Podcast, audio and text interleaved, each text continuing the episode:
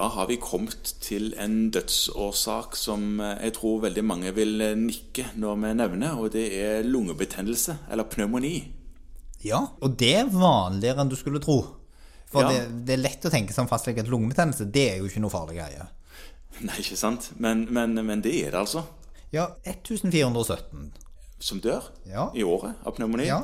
1417. Der gjorde vi et lite byks.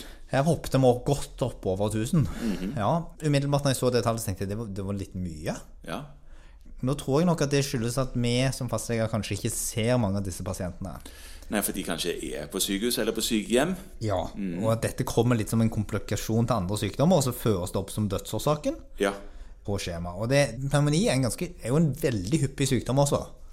Ja, hvor, hvor hyppig er den? Nei, altså Det er noen sånn internasjonale data som viser at det kan være så mye som 12 per 1000.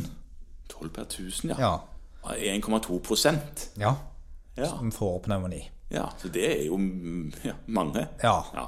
Da snakker vi jo liksom om en Hva blir det da? En 50 000, 60 000 lungebetennelser i året. Ja, og de som fastlegen ser av de, de behandler vi jo med antibiotika, og de klarer seg. Så sjekker man de igjen etter en stund, og at, at ting går bra, tar et røntgen og sånt. Men det vi iallfall kan huske, er at hvis du har andre sykdommer, tydeligvis, Ja, og er litt syk og svekka, ja, og det vet vi nå i influensasesongen, så skal det kanskje ikke så mye til før du får en lungebetennelse som potensielt sett tar livet av deg. Og de som er i risikosonen, de kan òg vaksinere seg for lungebetennelse, kan de ikke det? Jo, det er jo en ganske sterk anbefaling fra Folkehelseinstituttet at alle over 65, pluss en god del andre risikogrupper, minner mistenkelig om denne her influensaanbefalingen, Ja.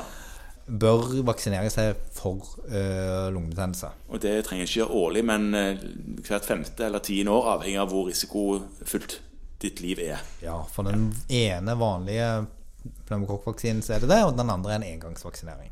Nettopp. Men eh, så det, Det kan vi snakke mer om en annen gang. det kan vi. Og dette kan få ned hvor mange som dør av det. Det er i hvert fall rimelig når du har en tilstand som Nå er ikke alle disse lungebetennelsene relatert til pneumokokker, men når du i hvert fall har en viktig bidragsyter som det går an å vaksinere mot, så kan det være nyttig å vaksinere. Ja.